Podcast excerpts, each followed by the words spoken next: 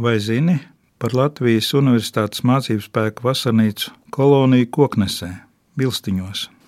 Abrīnojami, ka tikai kādus desmit gadus kopš Latvijas valsts dibināšanas un postošā pasaules kara Latvijas valsts uzskata par vajadzīgu un iespējamu atzinīgi novērtēt Latvijas universitātes un tās profesoru lomu un ieguldījumu Latvijas izaugsmē, ar zemes piešķīrumu iecienītā atpūtas vietā Koknesē. Pēc agrā reformas Bilstiņu mužas zeme tika sadalīta nelielos zemes gabalos, kurus piešķīra universitātes mācību spēkiem vasarnīcu celšanai. Ēkas uzcēla tikai pieci profesori - valodnieki Jānis Enzelīns, Anna Ābele, Ernests Blese un inženieris elektroķīmiķis Ernests Dišlers, kura brālis jurists Kārlis Dišlers jau bija iegādājies pašu Bilstiņu mužas dzīvojamo ēku.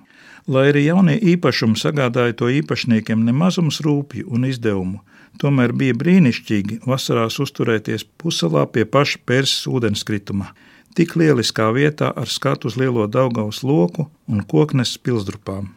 Kādi tad izvērtās šo piecu intelektuāļu un viņu izloloto māju likteņi? Trīs no viņiem bija tie, kas 1944. gada 17. martā parakstīja Latvijas centrālās padomes memorandu ar prasību nekavējoties atjaunot Latvijas republikas faktisko suverenitāti. Tie bija Ernests Dišlers, Ernests Blese un Jānis Enzelīns. Ja brauksiet ekskursijā uz Bilstiņiem, tad pirmā vēsturiskā māja būs Ernesta Dišlera kalnsētas. Tolaik bija iegādājami tā saucamie paraugu projekti, kurus vēlāk 1939. gadā Hipotēku banka apkopoja un izdeva grāmatā norādījumu mazāku būvētājiem. Izskatās, ka arī šī ēka ir veidota pamatojoties uz šādu divstāvu ēkas paraugu projektu. Staļina laikā Ernests Dišlers tika pazemināts no profesora par docentu un 1952. gadā tika aizsūtīts pensijā. Nākamā vēsturiskā māja, ko redzēsiet, būs no racēm būvētā Bilstiņa mūža, ko 1632. gadā cēlis Kornelijs Bilsteins, Kokneses pils un kara pārtikas noliktavas grāmatvedis.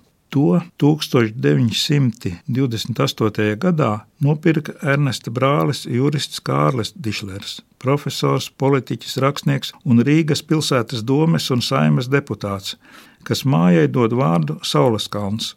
1941. gada 14. jūnijā kopā ar sievu izsūtīts. Pēc sešiem gadiem atbēdzis uz Latviju, dzīvoja Siguldā līdz 1949. gada beigās atkārtoti apcietināts un izsūtīts uz Sibīriju. Viņa saules kalns pa to laiku piedzīvoja grūtas dienas. Tur bija iekārtots kaut kāds kantoris, viss izdemolēts. Tagad senā ēka tiek kopta Vijas Biļevičas ģimenes īpašumā. Sauleskalna dārzā ir saglabājušās drupas no lapenes, kurā 1822. gadā ceļodams no Daugopils atpūties ķēzars Aleksandrs I. Tuvāk Pērses ragam atrodas valodnieka, tulkotāja, filoloģijas zinātņu doktora un viena no Latvijas universitātes dibinātājiem - Ernesta Bleses celtā māja Laimoņi. Pēc nepārbaudītām ziņām tā ir vienīgā no kolonijas mājām, kuru varētu būt projektējis arhitekts Pauls Kunziņš. Ernests Blese 1944. gadā emigrēja uz Vāciju un bija ārkārtas profesors Mainzas Universitātē un slāvu valodas profesors Germersheimas augstskolā. Mājā saimnieko viņa mazdēls Kārlis Blese.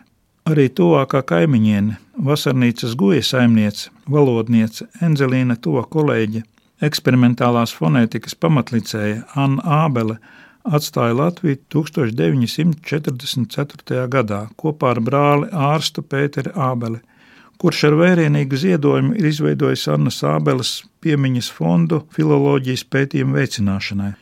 Šī fonda balvu saņēmusi arī Vaira Vīķa Freiberga, Velta Rūķa, Draviņa un citi. Veselības dēļ atteikusies no vilinošā uzaicinājuma strādāt Harvardas Universitātē, viņa vēl turpināja publicēties zinātniskos žurnālos.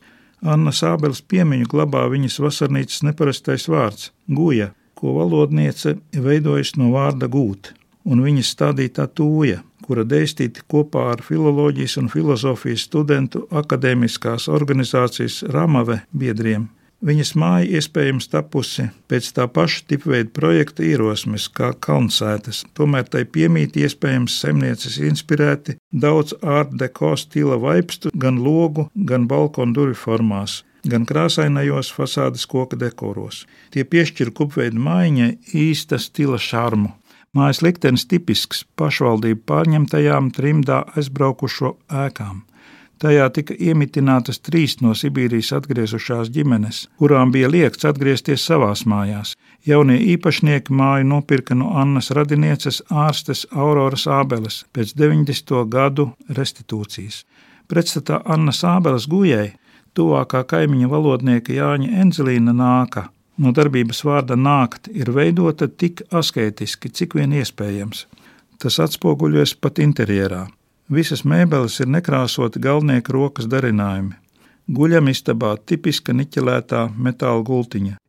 Viņš bija vienīgais no pieciem, kurš dzīves pēdējos gadus pavadīja koknesē līdz pat savai nāvei 1961. gadā. Tur aizsākts Enzelīna pēdējais lielais darbs Latvijas vietvārdi Bez ēdamistabas krēslu komplekta mājā vēl ir tikai grāmatas, vārnīcas, un kā visām kolonijas mājām, veranda ar balkonu uz dienvidiem, uz Daugavu, uz pilsdrupām. Meitas Līvijas Enzelīnas gleznotajā portretā viņš redzams tieši tur –